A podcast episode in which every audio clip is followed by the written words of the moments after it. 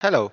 In this podcast, you will be listening a brief information of the Internet Journalism course with the code JRN242, which is a compulsory course in the fourth semester with 6 ECTS.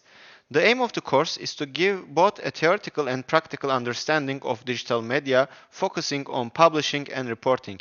In this course, students will learn the impact of the digital media in the profession of journalism. For more information, you may review the course syllabus on the Journalism Department webpage.